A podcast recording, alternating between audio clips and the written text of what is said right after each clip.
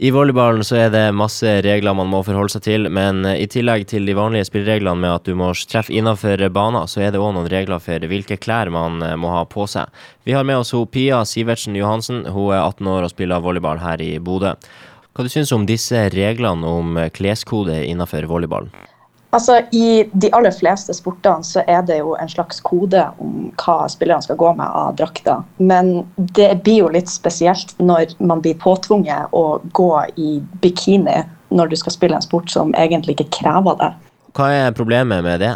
Altså Problemet med det, det er jo at uh, naturligvis så vil det føre til enormt kroppspress. Og det kan også da ødelegge litt det her med sporten, fordi da handler det mer om kroppen du har, eller det du blir ukomfortabel med, enn det du klarer å på en måte prestere da, mens du spiller. Så jeg tenker at det er en veldig sånn unødvendig ting å måtte forholde seg til når man spiller toppidrett.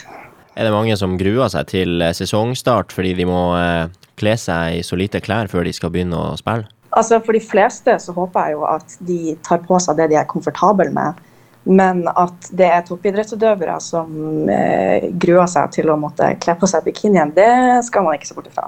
Egentlig så skjønner jeg ikke at det er en debatt eller et poeng i det hele tatt. Fordi som sagt, det har ingenting med selve spillet å gjøre.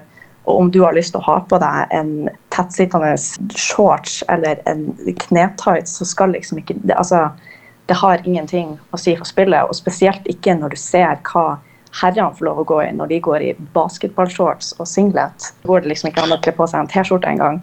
Da blir det liksom litt sånn drøyt.